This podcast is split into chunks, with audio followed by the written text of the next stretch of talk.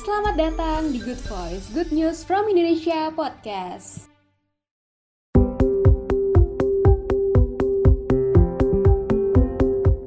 Hai kawan GNFI, kembali lagi di Good Voice. Good Voice kali ini akan membahas mengenai My Future Version of Indonesia bersama teman diskusi kita, Joshua Soherman. Mau tahu gimana keseruannya? Yuk dengerin podcastnya. Assalamualaikum warahmatullahi wabarakatuh, kawan-kawan. Uh, saya bersiap dulu. Kita hari ini kedatangan tamu yang sangat istimewa, idola saya sejak kecil dulu. Uh, siapa dia? Saya bersiap-siap dulu. Woi, halo bos. Halo mas bro. Apa kabar? Apa kabar? Kamu itu apa ya? Uh, dari dari zaman segini itu sampai sekarang nggak berubah-ubah. Cute uh, dan kelihatan smart begitu ya. Uh, lagi di mana? Lagi di Jakarta? Iya, lagi di Jakarta di rumah uh, mematuhi PSBB dan work from home. Oke, sama. Saya kebetulan di saya orang Jogja tapi saat ini di kota asalmu di Surabaya. Oh, Oke. Okay. Uh, ya dan um, nanti eh, saya sudah 10 tahun hampir 10 tahun di Surabaya dan dan mulai mendapatkan uh, apa namanya aksen atau logat Surabaya nanti ya saya ngomong Surabaya deh.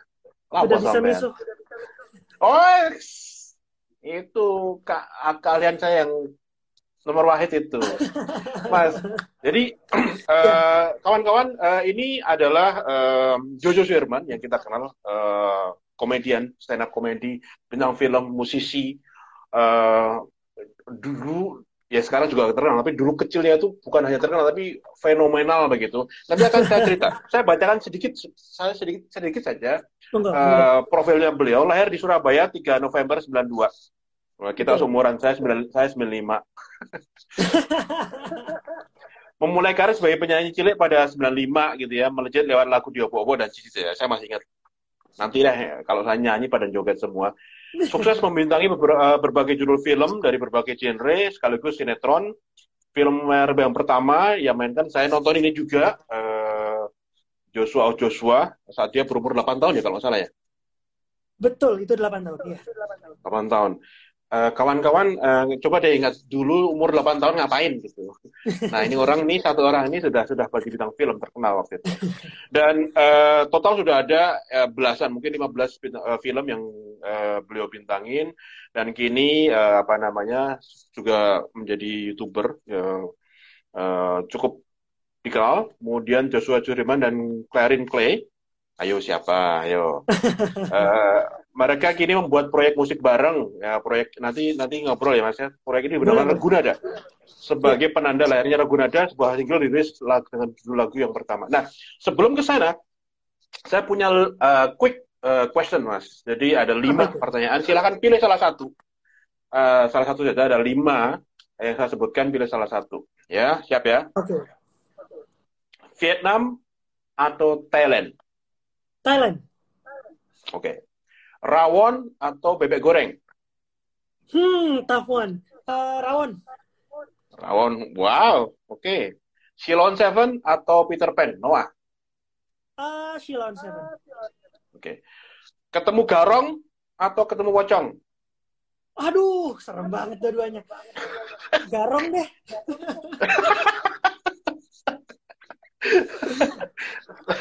Oke, kalau kalau pocong itu nggak akan nyakitin kita kalau garong bisa ngerebut dompet kita. Nah terakhir olahraga huh? atau rebahan. Wah,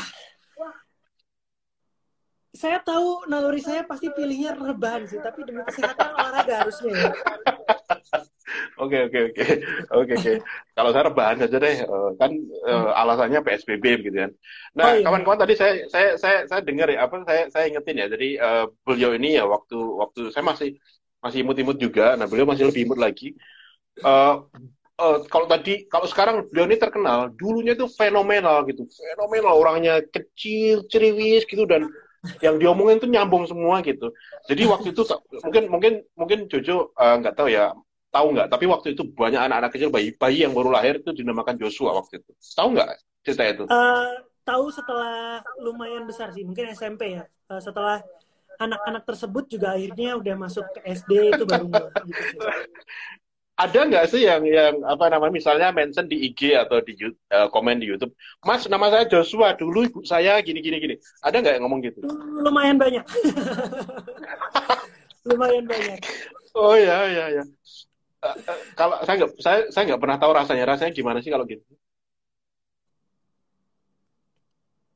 Halo. Halo. Ayo. Kalau kayak gitu rasanya gimana sih? Ayo, nggak dengar ya? Halo, halo.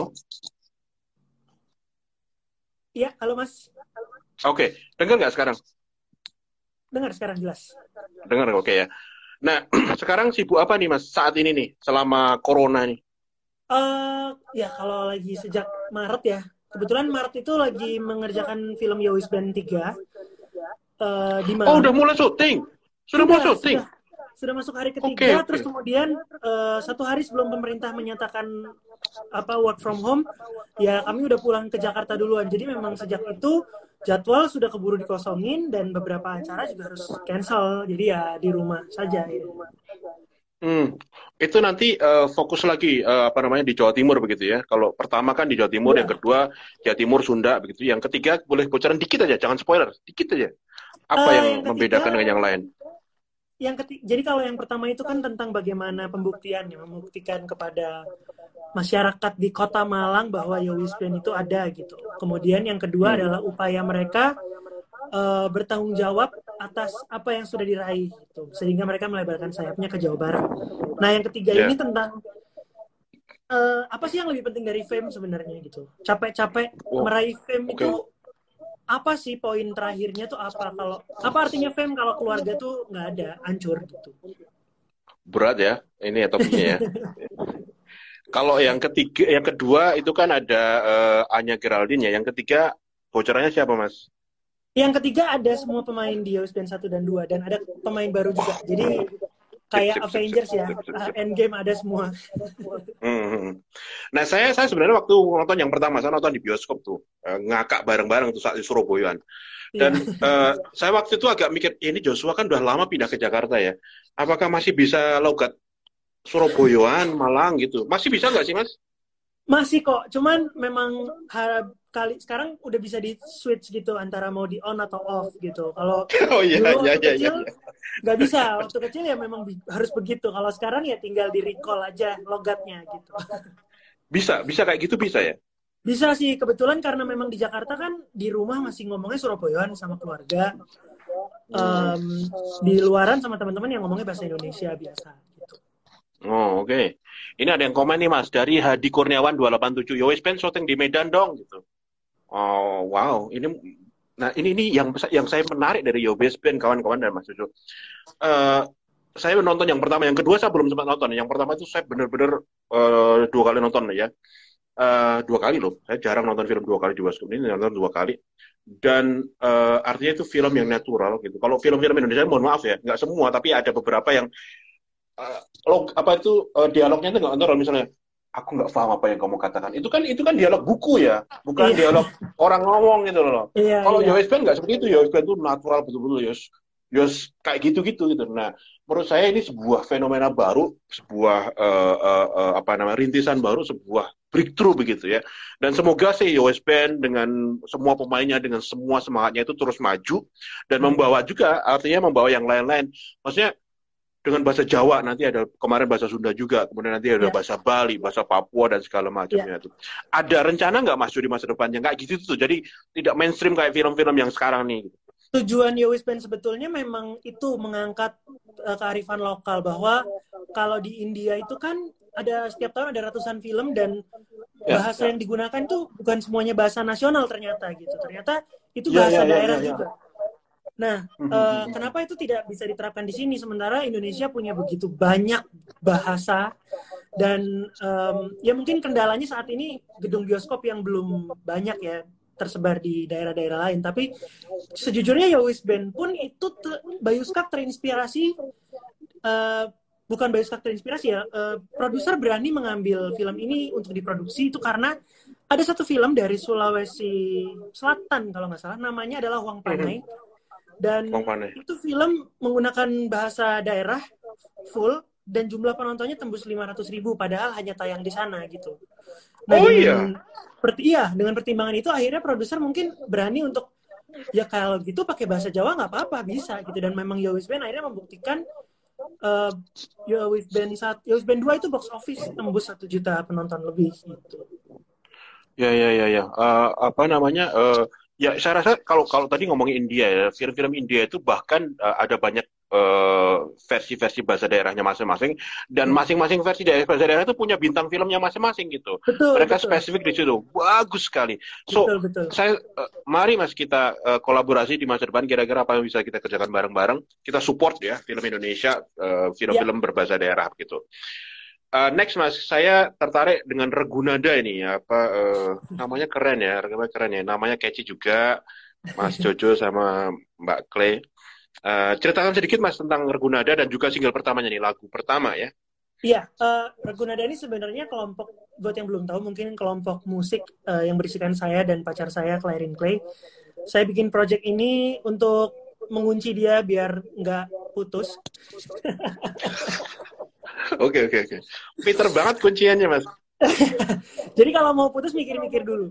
Enggak enggak gitu. Uh, sebentar. Sih, sebelum sebelum dilanjut sebelum dilanjut ada ada satu lagi nih kuncian yang yang susah memutusnya. Apa ini, ini ini ini inilah segera segera segera. Oke terusin terusin iya. terusin terusin.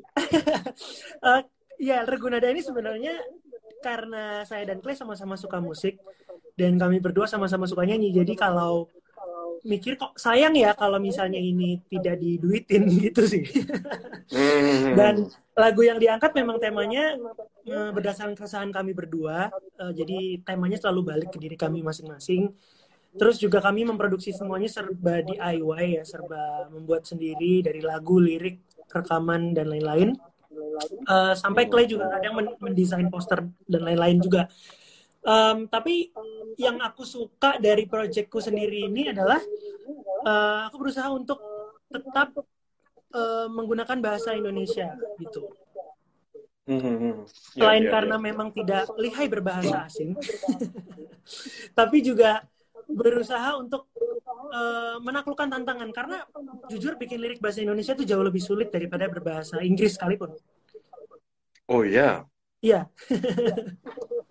Oke oke oke oke.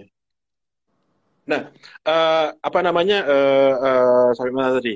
Kalau yang uh, ini baru satu single ya? Uh, kebetulan kemarin persis kemarin kami baru merilis single kedua, judulnya Bayar Tuntas Rindu. Oh, wow, aduh, lagunya re re re. Oh, Surabaya so romantis juga ternyata ya. Enggak, itu tentang LDR kok lagunya sebenarnya. Iya, iya, oke. Uh, dan uh, apa namanya? Saya saya ini sebenarnya apa namanya uh, uh, uh, uh, bentar ya. Kita balik ke film mas. Jadi ya. uh, apa namanya dunia perfilman kita kan uh, naik turun ya. Ya kita pernah film apa bioskop bioskop kita dipenuhi dengan film-film horor. Ya. Kemudian di film-film yang shoot gitu. Kemudian film-film percintaan. Nah sekarang sudah mulai agak uh, beragam begitu ya. Ya. Penonton sepi lagi dan segala macamnya. Uh, menurut Mas uh, Jojo gimana sih sebenarnya kondisi perfilman Indonesia secara luas? Apakah kita sudah bisa menjadi kayak musik nih? Musik nih sudah menjadi tuan rumah di negeri sendiri. Nah, apakah film sudah sampai ke sana atau masih jauh? Um, kayaknya kalau film membaik memang sih. Uh, kalau yeah. saya melihatnya membaik belakangan ini semakin ke sini semakin membaik dari segi pasarnya ya kecuali ada pandemi ini ya. Tapi sebelum ada pandemi ini membaik, jumlah penonton juga terus meningkat. Um, yeah, yeah keinginan orang untuk datang ke bioskop untuk menyaksikan film Indonesia secara legal itu membludak gitu.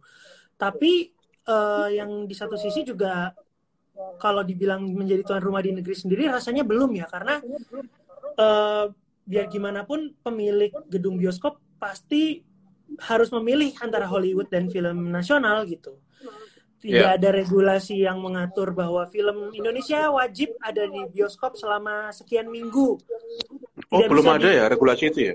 Belum ada. Uh, ya? Belum ada. Jadi jadi memang kayaknya ya belum ada sih setahu Jadi memang orang pasti berpikir daripada aku pasang film yang lokal ini, kenapa tidak layarnya aku tukar saja dengan film Hollywood yang lebih yeah. prestis dalam tanda kutip gitu ya. Yeah. Jadi yeah. itu yeah. sih dan yeah. dan juga uh, masalah kesejahteraan sineasnya juga kalau dibandingin Hollywood ya tentu masih sangat jauh.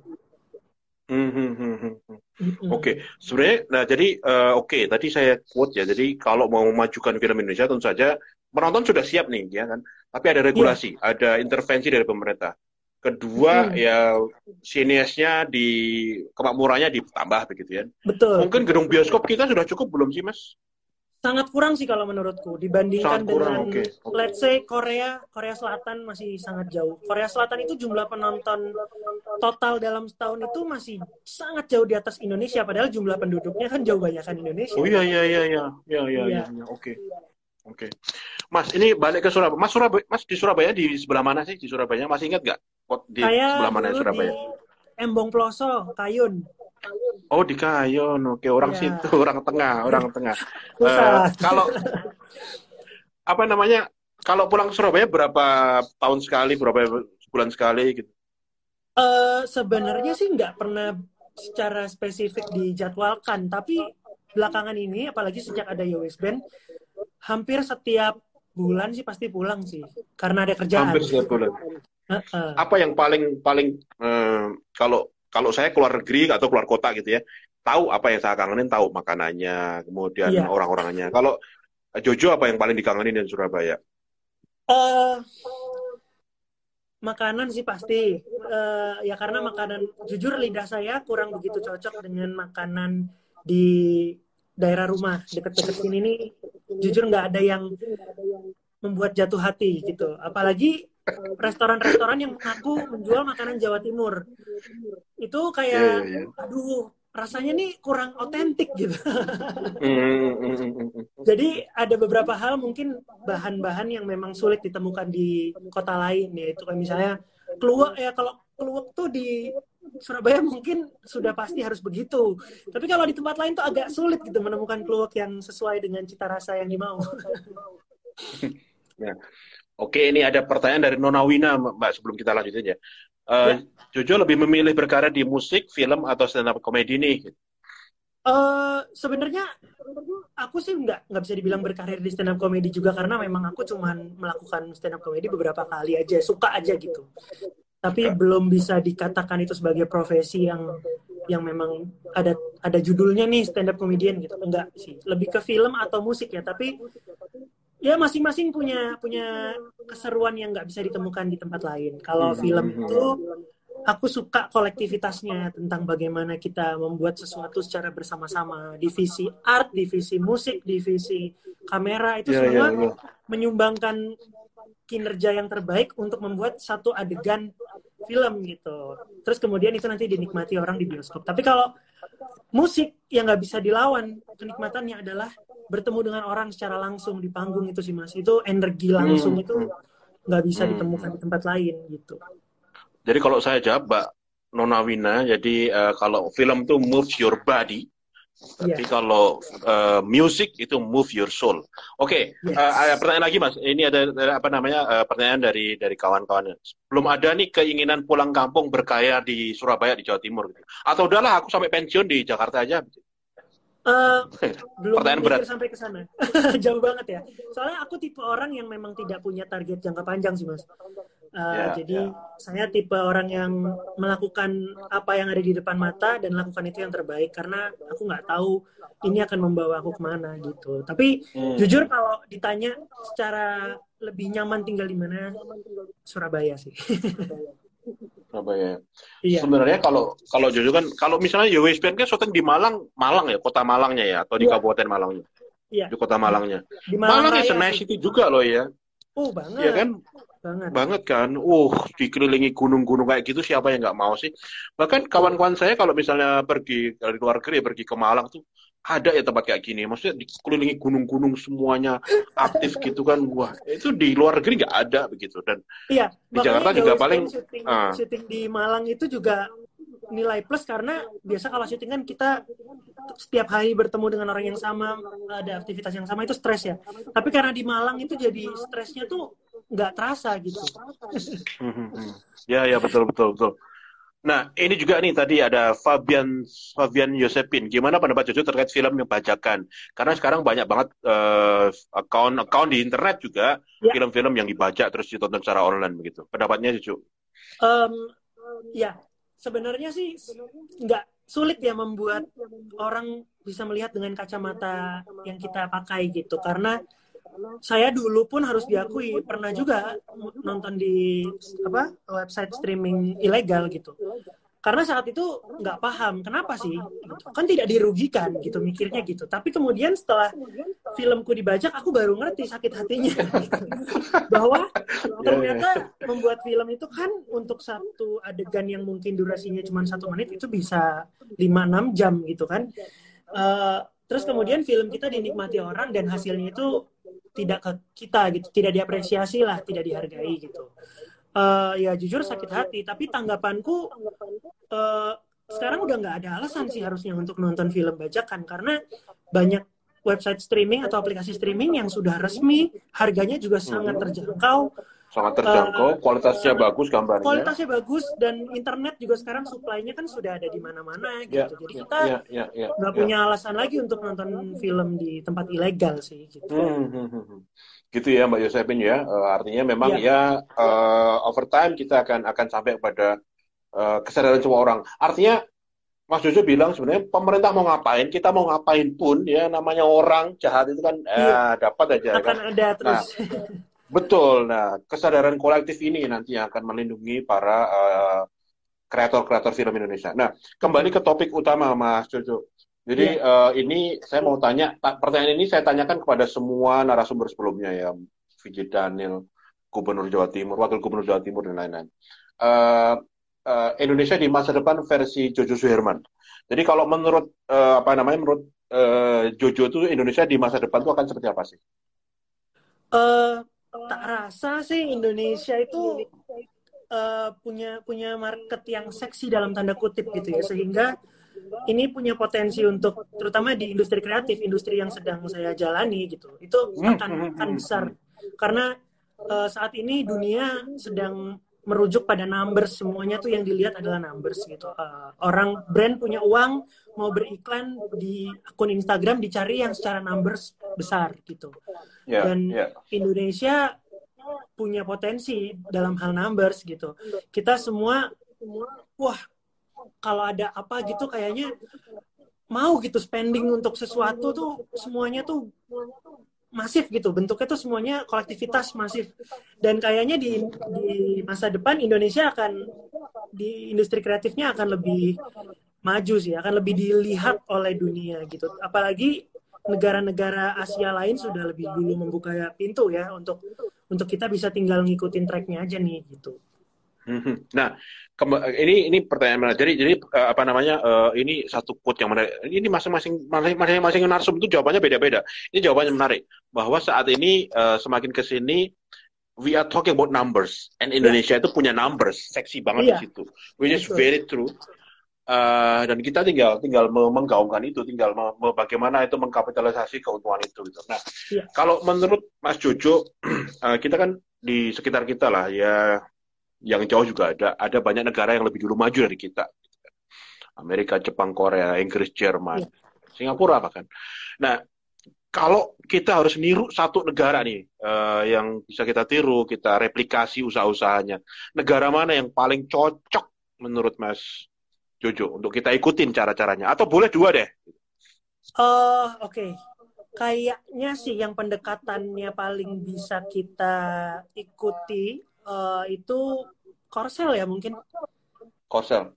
Oke. Okay. Korsel karena aku ngelihat dari kacamata industri kreatif ya karena mereka sangat amat percaya kalau industri hiburan itu bisa jadi pendobrak untuk memasyurkan negaranya gitu. Sehingga ini ini true story. Aku pernah syuting iklan di yeah. Korea Selatan dan produsernya bilang bahwa perizinan di sana itu sangat tidak ribet, sangat tidak ribet. Jadi wifi ada di mana-mana juga. Jadi orang tuh memang ditujukan ke sana tuh silakan foto, silakan syuting dan sebarluaskan negara yang kami bangun ini gitu.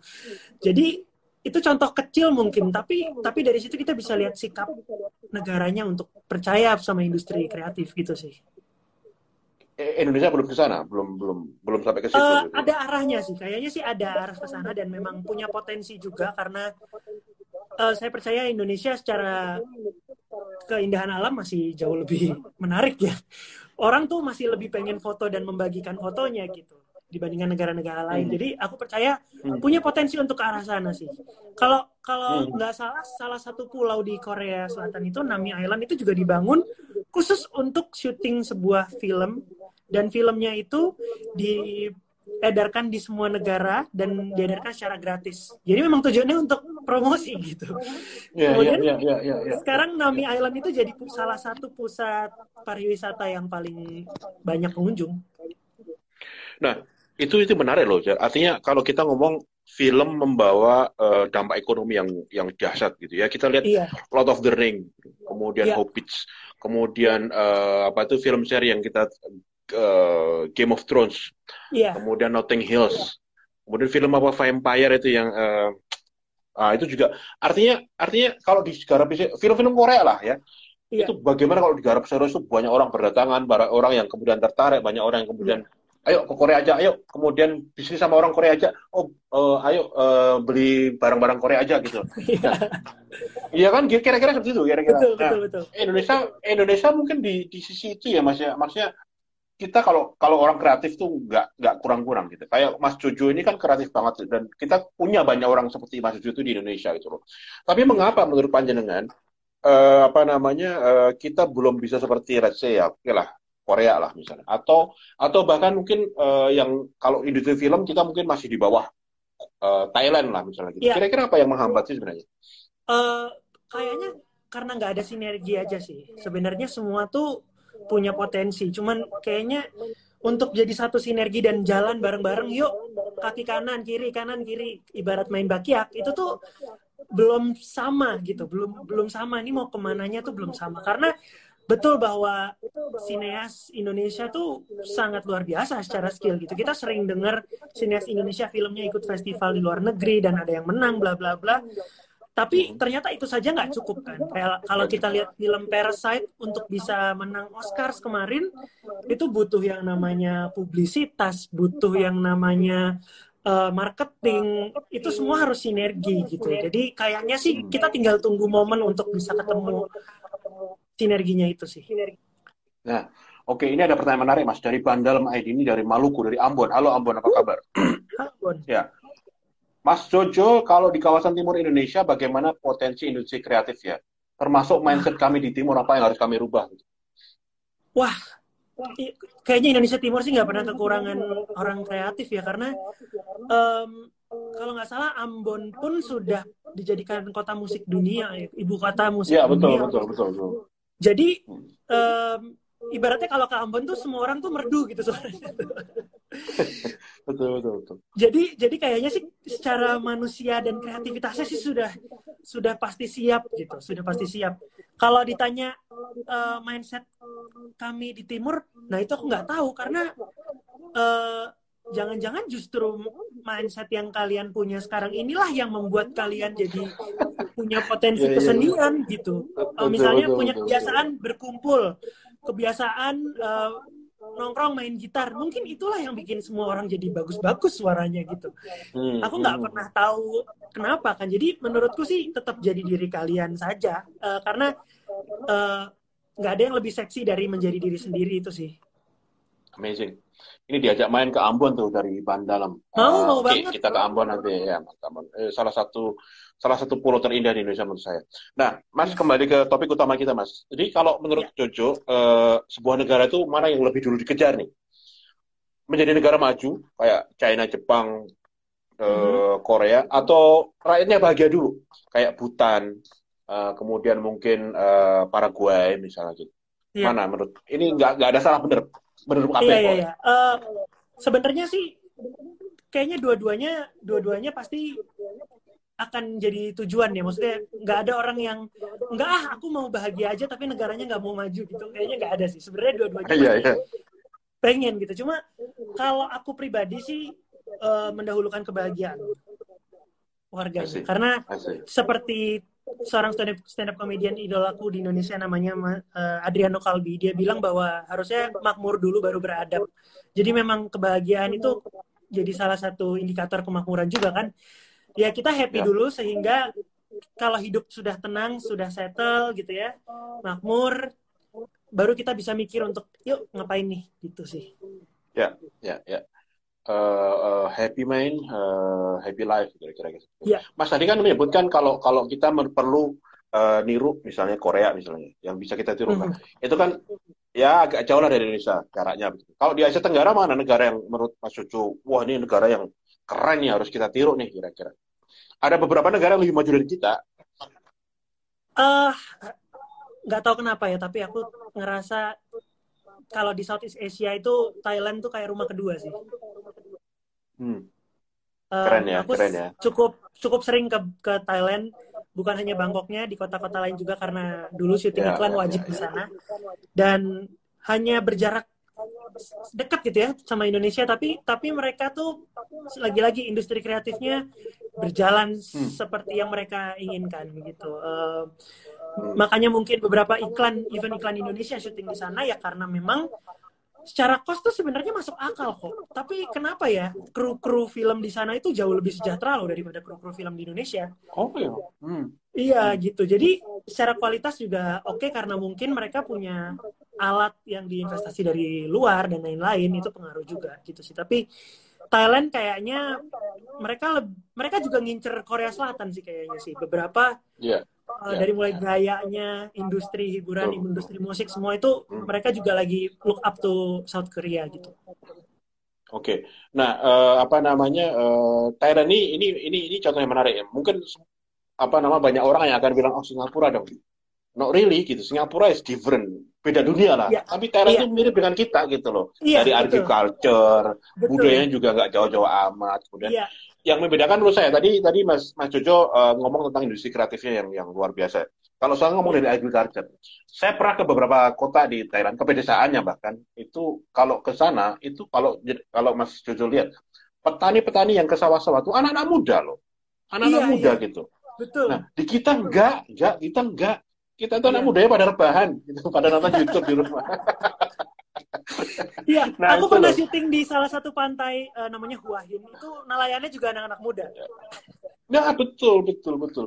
Ini yang membedakan kita. Jadi kalau kita mau pertaniannya maju, bukan hanya lahannya aja yang berkurang, tapi petaninya nggak ada. Yang kalau kita ke Ngawi, ke Sragen, ke Jogja, iya. ke Magelang, kita ke sawah-sawah, ke padi-padi itu, nyari orang muda gitu, ya sulit sekali, gitu. sulit sekali. Dan iya, ini iya. tantangan kita. Dan saya setuju sekali mas ini ini uh, sebuah uh, jawaban yang menarik ini Thailand Thailand ini yang nggak hanya itu ya juga olahraganya juga lebih maju dari kita gitu iya betul ya maksudnya dengan segala baik buruknya ya maksudnya Iya, iya, iya, iya. Gejolak politik dan lain-lain apa segala macam. Betul, betul. Tapi, betul. tapi uh, hal yang paling simpel adalah kalau kita ke pedesaan Thailand, walaupun itu pedesaan, kenapa jalan rayanya bagus ya? Bagus. Asalnya kenapa bagus? ya? Asalnya bagus. Bagus dan nggak banyak polisi tidur sana. Heran juga sih. iya. Nah, Walaupun sana ada nah, yang kesamaan, Mas. Uh, mereka juga di Bangkok banyak ojek juga. Iya, iya, iya, ya, betul, betul. Nah, tapi kita jangan khawatir kawan-kawan, kita ada yang lebih unggul. Industri digital kita lebih unggul gitu. Ya. Jadi ya, betul. jangan jangan ini. Kalau kalau ngomongin film-film horor kita juga lebih medeni dibandingkan film-film Thailand menurut saya loh ya. Iya. Film sana ngeri, ngeri, ngeri. Mas, secara kualitas hmm. nggak beda jauh. Maksudnya unda-undi. beda jauh ya. Ada beberapa film kita juga lebih bagus gitu. Cuman mereka memang lebih bagus dalam hal pemasaran dan branding betul. branding filmnya sih. betul, betul, betul. Ada satu film yang terakhir kemarin itu Bad Genius itu dari Thailand ya? Iya, Bad Genius Thailand bagus. bagus banget itu kan, bagus banget. Bagus. Nah, maksudnya Indonesia bikin lah kayak gitu-gitu gitu loh. Kalau bikin film horor tuh horor horor komedi kayak Bima kalau nggak salah, itu juga Bima, bagus. Iya. Nah, iya, nah iya. itu. Nah, uh, eh, CC Mas Joko Anwar dan lain-lain, ayo bikin kayak gitu. Nah, Mas, uh, ini kan kalau kita kita nggak kurang orang kreatif, tapi industri kreatif kita belum mendunia lah. Artinya kita masih iya. kalah dengan ya Korea gitu. Sebenarnya sih ya. apa yang bisa kita lakukan untuk me, me, me, me, me, karena industri kreatif itu uh, industri masa depan dunia. Gitu. Kita bisa maju dari industri betul. kreatif. Nah, apa betul, yang harus betul. kita lakukan mas sebenarnya? Uh, beruntungnya karena memang ketika nanti semua digantiin sama uh, artificial intelligence atau robot, ya. yeah. uh, mungkin industri kreatif adalah satu dari sedikit industri yang nggak bisa digantiin sama itu gitu. Hmm. Hmm. Karena itu kan berhubungan dengan creating ya, uh, innovating gitu. Jadi itu mungkin agak sulit sih digantikan. Uh, menurutku yang bisa dilakukan sekarang salah satunya adalah let's say ada Rich Brian dengan 88 Rising-nya yang mendunia gitu ya. Hmm. Harusnya itu jadi lokomotif gitu bahwa ada lagi yang yang ditarik tuh rantainya tuh jangan putus gitu. Jadi orang tuh mumpung masih mengikuti terus terus terus terus karena nggak kekurangan uh, pelaku gitu, nggak kekurangan pelaku kreatif akan terus ada gitu. Um, dan kayak kemarin Gordon Ramsay ke Indonesia untuk masak rendang, jujur aku nangis sih nonton tayangannya itu terharu gitu. Meskipun aku bukan orang Sumatera Barat, tapi aku merasa ini juga daerahku gitu. Dan betapa seksinya uh, hal-hal seperti itu ditampilkan di panggung dunia. Dan itu kan nggak akan habis kalau mau dikorek terus. Harusnya sih gerbong itu jangan berhenti terus saja terus sampai nanti uh, ada momentumnya yang benar-benar pop untuk kita bisa jadi meledak gitu. Oke, jadi jadi uh, apa keberlanjutan ya mau jangan yeah. jangan lepas momentumnya itu dan mm. rasanya itu yang dilakukan Korea zaman dulu gitu ya sebelum booming yeah. sekarang ini ya. Sebenarnya momentumnya kan terus terus terus gitu. Memulai hmm. ini dari tahun 90-an gitu ya. Ya nggak ada yang ya pelan-pelan gitu, pelan-pelan uh, seperti angkatannya SNSD itu ya mereka ke Amerika konser apa segala macam terus sampai akhirnya angkatannya BTS uh, ya mereka menang uh, awards di Amerika gitu. Terus sampai di film pun begitu ngikut aja akhirnya semua.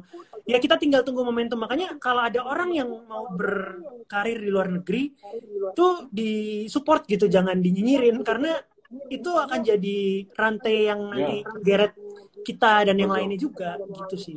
Betul betul betul.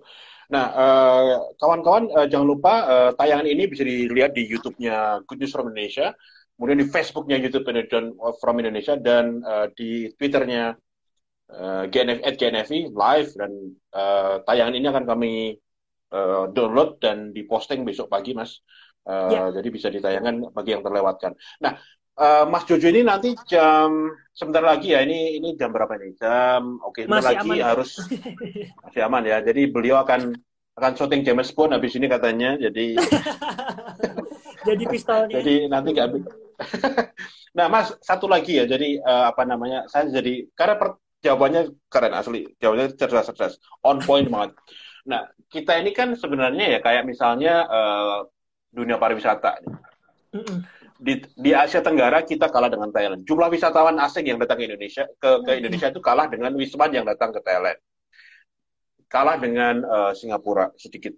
Kemudian kalah dengan uh, Malaysia cukup jauh, kalah dengan Vietnam cukup jauh. Tahun lalu kita mulai kalah. Nah sebenarnya uh, kita sebenarnya udah naik jauh, udah naik jelas tahun lalu kita 16 juta sekian itu.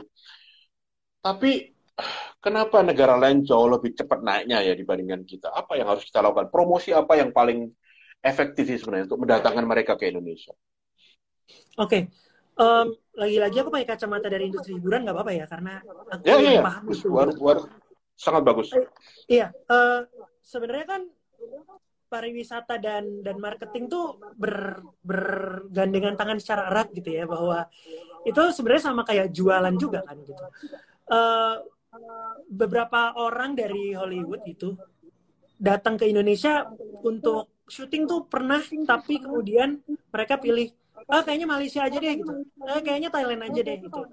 Dengan pertimbangan um, ribetnya ngurus ini itu gitu. Ini sih sebenarnya nggak ada yang bermaksud jahat ya. Maksudnya mereka juga nggak bermaksud untuk kita ribetin ah nggak gitu. Cuma memang karena nggak ada sistem yang yang mengatur regulasi itu sehingga bingung juga gitu. Ini lempar ke sini ini ke sini. Belum lagi nanti uh, ada warlock ya warga lokal yang eh ntar dulu gimana nih? Kok Toto ada yang syuting di sini? Itu hal-hal seperti itu sih harusnya kan itu bisa jadi alat untuk marketing gitu makanya ketika uh, It Pray Love dulu syuting di Bali gitu oh itu orang sih teman-temanku yang dari luar negeri melihat itu ngerasa kayak keren banget ya ada ya tempat yang kayak gini gitu. Nah, bayangkan kalau mereka hobi banget tuh syuting di setiap daerah di Indonesia, mungkin nggak cuma Bali tapi daerah lain juga ikut keangkat gitu sih jadi hmm. ada acara-acara kayak traveling dan lain-lain itu bisa jadi salah satu alat yang cukup efektif sih untuk mempromosikan hmm. bener ya bener ya jadi uh, kita perlu ingat sebenarnya kalau kita ngomong Bali Bali itu uh, memang mulai dikenal tahun abad abad 20 awal lah, tahun 1900-an. Dan mulainya yeah. dari lukisan-lukisan tuh. Lukisan-lukisan, yeah. terus kemudian Charlie Chaplin datang videoin orang uh, ini ayam, kemudian ayam, apa ya. namanya ya kayak gitu-gitu.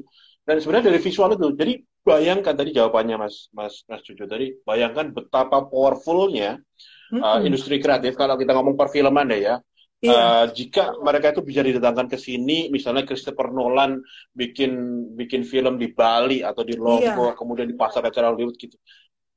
Nah, kita sebagai sebagai orang awam nih, saya orang awam nih, ngomong apa susahnya sih gitu. Kita nggak kekurangan kok kalau apa susahnya sebenarnya karena tadi itu ternyata iya. ada birokrasi, kemudian iya. ada mungkin mungkin mungkin ya warga yang masyarakat yang belum siap untuk itu dan segala macamnya itu. Nah, kadang-kadang juga tapi tapi sekali lagi ini uh, kita akan menuju ke sana ya Mas Jojo ya. Tuh. Nah, tapi satu Mas mungkin aku pengen ngomong ya. juga uh, bahwa uh, untuk meningkatkan uh, Wisman gitu ya. Itu asal tahu saja teman-teman uh, billboard yang ada foto pejabat setempatnya itu kurang efektif. Bukan kurang efektif. Jangan dipasang. Aku nggak ngerti oh, kenapa ya? gitu. Aku nggak ngerti iya, iya, kenapa iya, iya. ada yang kayak gitu tapi cuma pengen bilang aja ke bapak ibu sekalian bahwa itu kurang efektif jadi uh, coba strateginya di agak diubah sedikit gitu siapa tahu mm-hmm. mereka mengira oh ini cara yang efektif nih makanya dipakai caranya ya menurutku sih kurang efektif gitu jadi jadi saya halusin aja ya saya halusin nih ngomongin Pak pejabat-pejabat kalau promosi kota jangan pasang fotonya kira-kira saya halusin saya jadi jadi saya punya ini ini kisah kisah nyata mas, kisah nyata. Jadi dulu itu saya nggak ngomong daerahnya deh. Ada uh, sebuah daerah di Indonesia yang promosi wisata di Singapura dipasang di taksi-taksi itu, di taksi-taksi, di tempel-tempel di taksi. Nah, ya itu yang dipasang bukan keindahannya, bukan uh, narasi atau apa, foto pejabatnya gitu. Ya saya bilang yang mau datang ke sana siapa? Nggak ada. Gitu. Kira-kira itulah nggak ada. Ya mungkin di kepala bapak pejabatnya, oh kalau pejabatnya terlihat ganteng atau ramah, ya bisa orang mau datang. Tapi menurutku kurang efektif tuh pak. Jadi mendingan ya, kurang foto alamnya ya. aja pak atau apa gitu. Yeah. Uh, ya dan dan lagian nggak usah tempel-tempel di taksi langsung oh, ada Instagram ada YouTube apa iya. segala macam pakai lah itu begitu betul, dan betul. dan terakhir mas terakhir mas terakhir mas jadi ini sudah sudah mendekati akhir uh, kita ini kan uh, sebenarnya uh, anak muda GNF itu rentang umurnya yang paling banyak itu umur 17 sampai 34 tahun gitu ya. Agak agak agak agak besar begitu. Kira-kira uh, kalau anak-anak muda yang sekarang menonton nih di YouTube maupun di Instagram nih atau di yang lain-lain harus melakukan sesuatu untuk Indonesia agar Indonesia bisa seperti yang Mas Cucu uh, Ida bilang tadi. Apa yang harus anda lakukan sebenarnya? Uh, kayaknya dimulai dari hal paling kecil yaitu melakukan segala sesuatunya dengan yang terbaik. Karena karena dengan kita ngelakuin yang terbaik maka orang lain akan merasa uh, tersaingi dan mereka juga akan memberikan yang terbaik dan itu akan jadi kompetisi yang sangat sehat. Sehingga itu gerak gitu roda roda industrinya itu akan bergerak ke tempat yang lebih baik gitu. Sehingga uh, kalau kalau rodanya sudah bergerak ya otomatis ada ada pergerakan ke depan gitu sih. Kalau menurutku itu yang paling simpel. Tapi kalau ngomongin yang besarnya mungkin uh, jujur aku sebenarnya kurang tertarik untuk bilang ayo ini kita harus menggunakan produk ini nih karena ini produk Indonesia gitu. Aku kurang tertarik karena terlepas dari hal itu kita harus pastikan juga ya ini produk Indonesia tapi harus bagus juga dong gitu. Jangan oh, yes, serta merta yes. karena ini produk Indonesia terus boleh asal-asalan yang penting kita harus pakai produk Indonesia. Ya nggak juga gitu. Jadi mm-hmm. punya kualitas yang bagus apalagi kalau dia memang lokal ya kita support gitu kita support uh, beberapa brand di sekali lagi kita harus pakai contoh Korea ya. Itu besar ya karena memang mereka awalnya uh, besar di tuan mereka tuan rumah di negeri sendiri. Gitu sih. Hmm, hmm, hmm. Dan ingat ya kawan-kawan, jadi sebenarnya yang namanya produksi Indonesia itu bukan hanya berarti brand Indonesia, tapi juga juga produksi produk barang-barang yang mereknya asing nih, Ya, itu tapi di, diproduksi di Indonesia, made in di Indonesia gitu. Banyak ya. misalnya kayak laptop yang saya pakai, handphone yang saya buat uh, video live ini dan segala macamnya. Ini ada Mas terakhirnya Mas Anissa ya. Diansa. Saya hai Mas Sojo. Coba hai, hai sama ya, ya, ya. Gitu. Mas, uh, saya saya terus terang um, ini saya saya uh, impress sekali ya dengan dengan jawaban-jawaban Mas Jojo hmm. tadi. Uh, artinya artinya seriously uh, kita perlu orang kreatif para uh, yeah. kreatif konten para yeah. sineas para musisi yang yeah. tidak hanya pinter bermain di bidangnya tapi juga pinter memainkan peran di bidang umum secara Indonesia begitu dan tadi jawaban-jawaban yeah. uh, Mas Juju semoga menginspirasi kita semua on point sekali yeah dan saya dan, rasa dan tetap, uh, misalnya ini mas sorry uh, kalau misalnya teman-teman uh, lagi berkuliah di bidangnya masing-masing entah itu komunikasi entah itu ekonomi entah itu semualah gitu ya uh, IT dan lain-lain tenang aja. Uh, mungkin dari tadi aku bahas tentang industri kreatif tapi kalian tidak harus menjadi pelakunya kok. Kalian bisa yeah, justru kami yeah. butuh orang-orang seperti kalian uh, yang bekerja di bidang IT yang bekerja di bidang marketing semuanya itu butuh butuh banget. Jadi kita itu tadi oh. perlu mensinergikan ilmu yang kita kuasai itu untuk gerak bareng-bareng gitu. Betul, Mas. Dan jangan lupa uh, semoga di antara yang menonton malam ini baik di semua uh, sosial media kita ada yang mau menjadi petani anak muda kita gitu. Ah, Jadi, ya, biar kita benar. tetap ada makanan di dalam meja makan kita begitu Mas. Iya. Mas, uh, terima kasih sekali atas waktunya. I know you are very busy, really really busy, and I I really hope, saya benar-benar secara personal saya uh, uh, uh, ingin agar one day semoga corona segera selesai kita akan Amin. kopi bareng di Surabaya. Amin. On me. Saya kebetulan dari Surabaya Barat, kita ketemu di Surabaya Barat, nanti ketemu dengan keluarga saya, saya ajak ngopi bareng. Siap. See you dan semoga sukses dengan semua aktivitasnya, sukses dengan kreasi-kreasinya, Mas. Terima, kasih. Salam buat keluarga Mas ya. Ya, ya. Terima kasih. Thank Salam you. buat keluarganya. Bye bye. Baik kawan-kawan, itu tadi dari Joshua Suherman. Uh, dan insya Allah kita akan ketemu dengan public figure yang lain, dengan tokoh inspirasi yang lain minggu depan. Assalamualaikum warahmatullahi wabarakatuh.